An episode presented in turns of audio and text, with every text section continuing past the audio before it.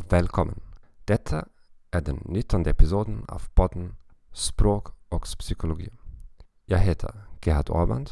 Jag är psykolog, en bokförfattare och en tysklärare. Jag är ingen expert på svenska. Naturligtvis har du redan förstått detta. Var tålamodig med mig. Men jag lovar att jag kommer att bli bättre med varje nytt avsnitt. Om du har upptäckt denna podcast just nu, kolla in de senaste avsnitten först. Kvaliteten blir mycket bättre än i de första. Ämnet för dagens avsnitt är detta. Inre och yttre motivation för att lära sig främmande språk. Jag hoppas att du inte missade vårt senaste avsnitt, avsnitt 18. Är det kontraproduktivt att lära sig mer än ett främmande språk samtidigt? Du kan hitta alla podcastavsnitt i vårt arkiv.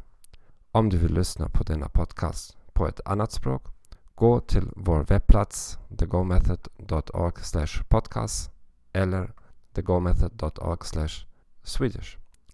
Saboterar du din egen framgång med att lära dig ett främmande språk och slösar du bort tid och pengar på oproduktiv verksamhet? Upptäck de 21 misstag jag själv gjorde under de senaste 20 åren och lär dig att undvika dem genom att läsa min senaste bok 21 Self-Limiting Beliefs in Learning a Foreign Language Smashed. Boken finns som en pocketbok och i Kindle-format på Amazon. Du hittar den direkta länken här på podcastens webbplats. Låt oss börja. Inre och yttre motivation för att lära sig främmande språk. Motivation svarar på frågan Varför gör vi något? Motivation kan förklara tre aspekter. Först, varför väljer vi att lära oss ett främmande språk? Varför väljer vi att ett språk framför ett annat? Två, Hur mycket gör du för att lära dig ett främmande språk? Tre, Hur länge kommer vi att fortsätta att lära oss det språket? Det finns många teorier om mänsklig motivation.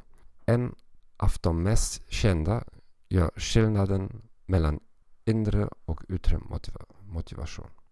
Vi är inre motiverade om vi gör något eftersom vi gillar aktiviteten som sådan.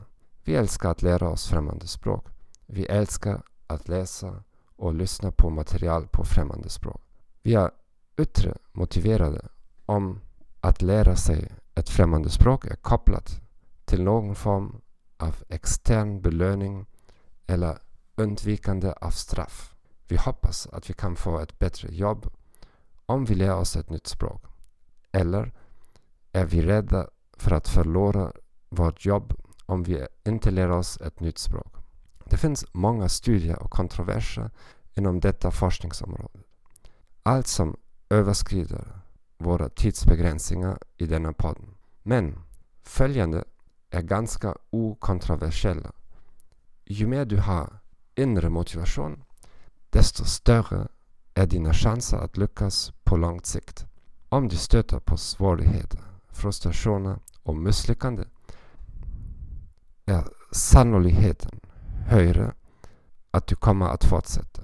Även om du för närvarande är mer yttre motiverad, har mer yttre motivation, så försök att hitta något som, är, som du älskar i processen. Till exempel du kan, du kan koppla nya språket med ting du redan älskar. Till exempel dina hobbyer, sport och så vidare. Om du lär dig, om du lär dig främmande språk bara för svaga externa faktorer som till exempel um, att imponera på andra med dina språkkunskaper så bör du överväga att sluta det språket och leta efter något annat. Tack för att du lyssnade på det 19 avsnittet av Språk och psykologi. Jag hoppas att den här informationen är till hjälp för dig. Prenumerera på vår kanal på Apple Podcast, Spotify, Stitcher eller din favorittjänst. Rekommendera oss till vänner och kollegor. Som jag, lo jag lovade tidigare kommer språkdelen att förbättras med de närmaste veckorna. Allt det bästa och hejdå!